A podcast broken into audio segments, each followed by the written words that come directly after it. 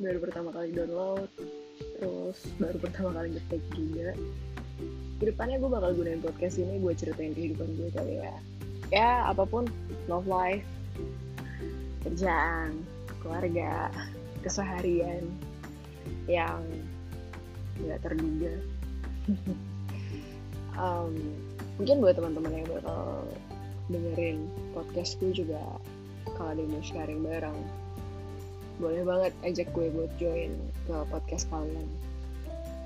Buat kita seru-seruan bareng. Alright happy to know you guys